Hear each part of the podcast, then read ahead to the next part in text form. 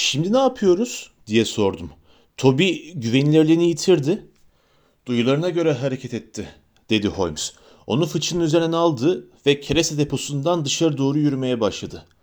Londra'da bir gün içinde ne kadar çok katran taşındığını düşünürsen yolumuzun onlardan biriyle çakışmasına şaşmamak gerekir. Bugünlerde katran çokça kullanılıyor. Özellikle de ağaç işlemede. Zavallı Toby'nin bir suçu yok. E, yeniden başa dönmeliyiz sanırım. Evet ama şükür ki fazla geriye gitmemize lüzum yok. Knight'ın yerindeki köşede iki farklı iz birbirine zıt istikametlerdeydi. Ve Toby burada şaşırdı. Sonra biz yanlış olan yoldan devam ettik. Şimdi diğerini takip edeceğiz. Bu oldukça kolaydı. Toby'yi oraya götürdüğümüzde hatasını telafi etti. Geniş bir daire çizdi, sonra da yeni bir yoldan yürümeye başladı. Şimdi de bizi o fıçının geldiği yere doğru yönlendirmesin, dedim. Bunu düşündüm. Fakat dikkat edersen kaldırımdan gidiyor. Fıçı yolun ortasından geçmiştir. Şimdi doğru kokuyu takip ediyoruz. Nehir kenarına doğru indi. Belmont Place ve Prince caddelerine doğru koştu. Broad Caddesi'nin sonunda doğrudan su kenarına geldi. Orada küçük bir tahta iskele vardı. Toby iskelenin en ucuna kadar gitti. Orada durdu. Karanlık akıntıya doğru bakmaya başladı. Şansımız yokmuş, dedi Holmes. Buradan bir tekneye binmişler. İskele kenarında birçok kayık ve sandal vardı. Her bir köşede Toby'yi dolaştırdık. Onca koklamasına rağmen bir ize rastlamadı. Kaba saba iskelenin yakınında küçük bir tuğla ev vardı. Evin ikinci penceresinden tahta bir tabela sarkıyordu. Tabelada büyük harflerle Mordecai Smith yazılıydı. Altında da tekneler saatlik ve günlük kiralanır. Kapının üzerindeki bir yazıda da bir istimbot seferinden bahsediliyordu. İskele üzerindeki bir yığın kömür de bu bilgiyi doğruluyordu. Sherlock Holmes yavaşça etrafa bakındı. Yüzünde kaygılı bir ifade vardı. Bu çok kötü, dedi. Bu herifler umduğumdan akıllı çıktılar. Görünen o ki izlerini kaybettirmişler. Korkarım bütün bunlar önceden planlanmış bir şeymiş. Holmes evin kapısına yaklaşıyordu ki kapı açıldı ve küçük, kıvırcık saçlı, 6 yaşlarında bir çocuk koşarak çıktı. Ardından da iri yarı, kızıl yüzlü bir kadın elinde bir süngerle çıka geldi. ''Çabuk geri dön, yıkanacaksın Jack.'' diye bağırdı. ''Geri dön, seni küçük afacan. Baban gelip de seni böyle görürse gününü görürsün.'' ''Küçük şirin çocuk.'' dedi Holmes yaklaşmak için. Nasıl da elma yanaklı bir çocuk. Söyle bakalım Jack, istediğin bir şey var mı? Çocuk bir süre düşündü. Bir şilin isterim, dedi. o kadarcık mı? Öyleyse iki şilin isterim, diye cevapladı zeki çocuk. Biraz düşündükten sonra. Öyleyse al bakalım, tut. Çok tatlı bir çocuk, Bayan Smith. Tanrı sizi korusun bayım. Hem tatlı hem de huysuz. Hele de kocam günler boyu gittiği zaman onunla başa çıkması çok zor oluyor.'' Kocanız yok mu? dedi Holmes şaşırmış bir ses tonuyla. Buna üzüldüm. Zira onunla konuşmak isterdim. Dün sabahtan beri yok bayım. Doğrusunu söylemek gerekirse onun hakkında endişeleniyorum. Eğer tekne kiralayacaksanız ben yardımcı olabilirim. İstimbot'u kiralamak istiyordum. Maalesef istimbotla gitti bayım. Zaten beni şaşırtan da bu. İçinde Woolwich'e gidip dönecek kadar bile kömür yok. Mavna ile gitmiş olsa neyse. Çoğu kereler bir iş için ta Gravesend'e kadar gitmiş ve orada da iş varsa bir süre orada kalmıştır. Ama bir istimbot kömürsüz ne işe yarar? Belki de nehir boyunda da bir iskeleden almıştır. Olabilir bayım ama pek adeti değildir. Her zaman oralarda birkaç çuval kömür için ne çok para istediklerinden yakınır. Bir de o tahta bacaklı adamı sevmedim. Çirkin bir yüzü ve yabancı bir şivesi var. Neden sürekli buraya gelip durur ki? Bizden ne ister? Tahta bacaklı adam mı? dedi Holmes belli belirsiz bir şaşkınlıkla. Evet bayım, kirli yüzlü, maymun suratlı bir herif. İhtiyar eşimin yanına defalarca geldi. Dün gece de eşimin yatağından kaldıran oydu. Dahası eşim onun geleceğini biliyordu ki istimbotu o gelmeden hazırladı. Söyledim ya bayım, bu durumdan hiç hoşlanmıyorum. Fakat sevgili Bayan Smith, dedi Holmes omuz silkerek. Boşuna endişe ediyorsunuz. Gecenin bir yarısı gelenin o tahta bacaklı adam olduğunu nereden biliyorsunuz? Nasıl bu kadar emin olduğunuzu anlayamıyorum. Sesi bayım. Sesini tanıyorum. Kalın ve boğuk bir sesi var. Pencereyi tıklattı. Saat üç sularıydı. Hadi kalk dostum diye bağırdı. Demir alma zamanı. İhtiyar eşim büyük oğlum Jim'i kaldırdı ve bir şey söylemeden birlikte gittiler. Tahta bacağının taşlar üzerindeki tıkırdamasını duyabiliyordum. Bu tahta bacaklı adam yalnız mıydı? Kesin bir şey söyleyemem bayım ama başka ses duymadım. Üzgünüm Bayan Smith. Bir istimbot istiyordum. Bir dokunup bin ah işittim. Adı neydi? Aurora bayım. Aa şu sarı çizgili yeşil istimbot olmasın? Çok geniş bir düdüğü var. Pek değil. Aslında nehir üzerinde görülebilecek en küçük şeylerden biri. Yeni boyandı. Siyah renkte ve iki kırmızı çizgisi var. Teşekkürler. Umarım en kısa zamanda Bay Smith'ten haber alırsınız. Ben şimdi nehir boyu gideceğim. Aurora'nın izine rastlarsam ona sizin endişelendiğinizi söylerim. Siyah bir baca mı demiştiniz? Hayır bayım. Siyah ama üzerinde beyaz bir bant var. Sahi, siyah olan yan cidarlar cidanlarıydı. İyi, sab- iyi sabahlar Bayan Smith. Şurada bir kayıkçı var Watson. Onunla nehri geçelim. Kayığa oturduğumuzda bu tür insanlar hakkında bilinmesi gereken temel şey, dedi Holmes. Verdikleri bilgilerin senin için en küçük bir önemi olduğunu onlara sezdirmemek gerektiğidir. Eğer sezdirirsen bir anda bir istiridye gibi kendilerini kapatırlar. Onları gönülsüz dinliyormuş gibi yaparsan az önce yaptığımız gibi istediğini alma olasılığın çok fazladır. Şimdi rotamız daha da belirginleşti, dedim. Ne yapmalıyız peki? Bir istimbot kiralayıp nehir boyunca Aurora'nın izini sürmeliyiz. Sevgili dostum, bu çok zorlu bir iş olur. Buradan Greenwich'e kadar nehrin iki yakasında sayısız iskeleye uğramış olabilirler. Ayrıca köprünün altında miller boyunca çok sayıda demirlenecek yerler var. Eğer tek başına hareket edersen tüm bu ihtimalleri tüketmek günler, haftalar sürer. E öyleyse polise başvuralım. Hayır, muhtemelen Anthony Jones'u son ana kadar aramayacağım. Kötü bir adam değil. Ayrıca profesyonel olarak onu üzecek hiçbir şey yapamam. Fakat buraya kadar gelmişken bu işi tek başıma bitirmeyi arzuluyorum. Öyleyse iskele memurlarını sorarak ilerleyemez miyiz? Çok daha kötü olur. O zaman adamlarımız enselerinde olduğumuzu anlarlar ve bir an önce ülkeyi terk ederler. Hali hazırda da zaten yeteri kadar terk etmeye isteklilerdir. Ama tam anlamıyla güvende olduklarını bildikleri sürece acele etmeyeceklerdir. Johnson gayreti burada işimize yarayacaktır. Onun davaya bakışı günlük gazetelere kesin yansır. Böylece kaçaklarımız herkesin yanlış iz üzerinde olduğunu düşünür. Milbank hapishanesi önünde karaya çıkarken sordum.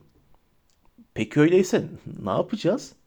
Şu arabaya bineceğiz, eve gideceğiz, kahvaltı edeceğiz, bir saat uyuyacağız. Bu gece de dolaşmamız kuvvetle muhtemeldir. Bir postanede dur arabacı. Toby'yi salmıyoruz. Hala bize faydası olabilir. Büyük Peter Caddesi'nde durduk ve Holmes telgrafını çekti. Yola devam ederken Sence kime çektin bu telgrafı? diye sordu. Kesinlikle hiçbir fikrim yok. Jefferson Hop vakasında başvurduğum Baker Caddesi Polis Dedektif Şubesini hatırlıyor musun? Eh, dedim gülerek. Paha biçilmez yararlılık gösterecekleri bir vaka bu. Eğer başarısız olurlarsa başka kaynaklarım da var. Ama önce onları bir deneyeceğim. Telgraf şu benim küçük teğmenim Çamur Wiggins'eydi. Biz kahvaltımızı bitirmeden sanırım o ve çetesi bize katılır. Saat 8 sularıydı. Gece boyunca birbiri ardına gelen hadiselerin etkisi güçlü olmuştu. Bunun farkındaydım. İyiden iyiye gevşemiş ve bitap düşmüştüm. Zihnim bulanmış, bedenim yorulmuştu.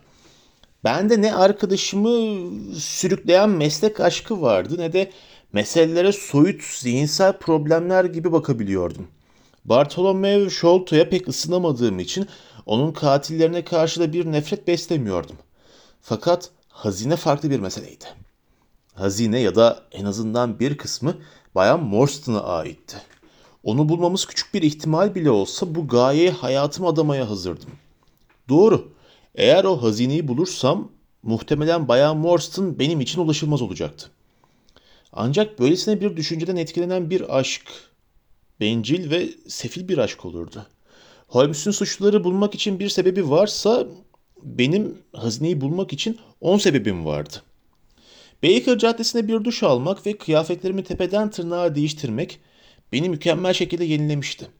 Odamıza geldiğimde kahvaltı hazırdı ve Holmes kahveleri koyuyordu. İşte dedi gülerek eliyle gazeteyi gösteriyordu. Gayretli Jones ve tam teşekküllü gazetecimiz meseleyi aralarını çözmüşler. Neyse, bu vakayla yeteri kadar haşır neşir oldun. İyisi mi? Önce jambon ve yumurtadan al. The Standard gazetesini al, ondan aldım ve manşeti okudum. Yukarı Norwood'da güzemli olay. Haber şöyle devam ediyordu. Geçtiğimiz gece saat 12 sularında Pondicherry malikanesinin sahibi Bay Bartolo- Bartolomeo Sholto odasında ölü bulundu. Deliller bunun bir cinayet olduğunu gösteriyor. Öğrenildiği kadarıyla Bay Sholto'nun vücudunda darp izine rastlanmazken babasından miras kalan Hint mücevherleri çalındı. Cesedi o sırada evi ziyaret eden Bay Sherlock Holmes, Doktor Watson ve müteveffanın kardeşi Bay Thaddeus Sholto buldu. Şans eseri o sırada Norwood Polis Merkezi'nde bulunan polis teşkilatının ünlü mensuplarından Bay Attorney Jones, ihbarın ardından yarım saat içinde olay yerine ulaştı. Eğitimli ve tecrübeli yardımcıları zaman kaybetmeden suçluları tespit çalışmalarına başladı. Olayla ilgili kardeş Thaddeus Sholto, Kahya Bayan Burnston, Hintli uşak Lal Rao ve McMurdo isimli kapıcı ya da bekçi tutuklandı.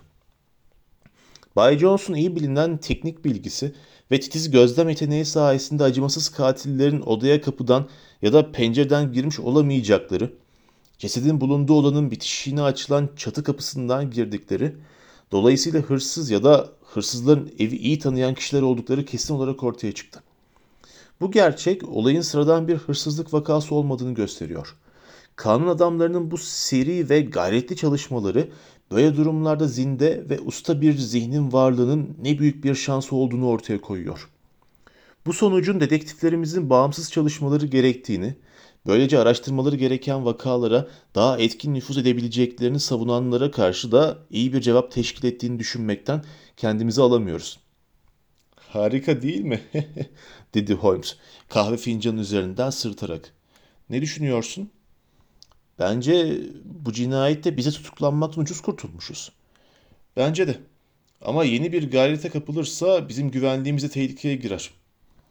Tam bu sırada kapı zili yüksek sesle çaldı ve ev sahibimiz Bayan Hudson'ın yılgın ve korkulu sesi yükseldi. Tanrı aşkına Holmes dedim doğru olarak. Kesin bizi almaya geldiler. Yok o kadar da kötü değil. Bu gelen gayri resmi bir kuvvet. Baker Caddesi çetesi geldi. O konuşurken merdivenlerden hızla çıkan yalın ayak sesleri tıkırdamaya başladı. Ardından da bir düzine hırpani, pasaklı, küçük sokak çocuğu odaya doluştu. İçeri kargaşayla girmelerine karşın davranışlarında bir disiplin de seziliyordu. Bir anda yan yana hizalanarak meraklı bakışlarla bize bakmaya başladılar. Diğerlerinden daha uzun ve yaşça daha büyük bir tanesi gururla öne atıldı. Bu küçük korkulukta bu gurur ifadesi oldukça gülünç duruyordu. Mesajınızı aldım bayım dedi. Ve hepsini hızla buraya getirdim. Biletler için üç şilin ve altı peni. Al bakalım dedi Holmes cebinden bir miktar gümüş çıkararak. Bundan sonra onlar sana gelecek. Sen de bana geleceksin. Evimi bu şekilde istila etmenizi istemiyorum. Gerçi böylece söyleyeceklerimizi hepiniz, hepiniz birinci ağızdan duymuş olacaksınız. Oğrara adında bir istimbotu arıyorum. Sahibi Mordecai Smith. Rengi siyah. İki kırmızı çizgisi var. Bacası da siyah ve üzerinde beyaz bir bant var. Şu an nehir boyunda bir yerlerde. Biriniz Mordecai Smith'in kendi iskelesinde beklesin. Böylece geri dönerse bize haber verir. Kendi aranızda iş bölümü yapıp nehrin iki yakasını da etraflıca aramalısınız. Bir gelişme olursa bize bildirin. Anlaşıldı mı? Evet efendim, dedi Wiggins. Ödeme eskisi gibi. Ayrıca istimbotu ilk bulana da bir gine vereceğim. Bir günlük ücretinizi de peşin veriyorum. Hadi şimdi gidin bakalım. Her birine birer şilin verdi. Bir anda koşarak aşağı indiler. Bir süre sonra caddenin her bir yana dağılmışlardı. Eğer bu istimbot sudaysa onu bulacaklardır, dedi Holmes. Masadan kalktı ve piposunu yaktı. Her yere ulaşabilirler. Her şeyi görebilirler. Herkesi duyabilirler. Akşamdan önce sanırım haberini alırız. Bu sırada bize de yalnızca beklemek kalıyor. O'Reilly'yi ya da Bay Mordecai Smith'i bulmadan iz sürmeye devam edemeyiz. Toby şu kırıntıları yiyebilir sanırım. Sen yatacak mısın Holmes? Hayır, yorgun değilim. Garip bir yapım var. Çalışmaktan ötürü yorulduğumu hiç hatırlamıyorum. Fakat atalet beni tamamen bitkin düşürüyor. Biraz tüttürecek ve zarif müşterimin önümüze getirdiği bu garip iş üzerine düşüneceğim. Dünyada kolay bir iş varsa bu bizimki olmalı. Sonuçta tahta bacaklı adam pek fazla yok. Fakat diğer adam sanırım benzersiz bir tip. Yine mi diğer adam? Sana karşı adama bir gizem kazandırmayı düşünmüyorum. Yalnız kendi kendine bir fikri varmış olman gerekirdi. Verileri gözden geçir.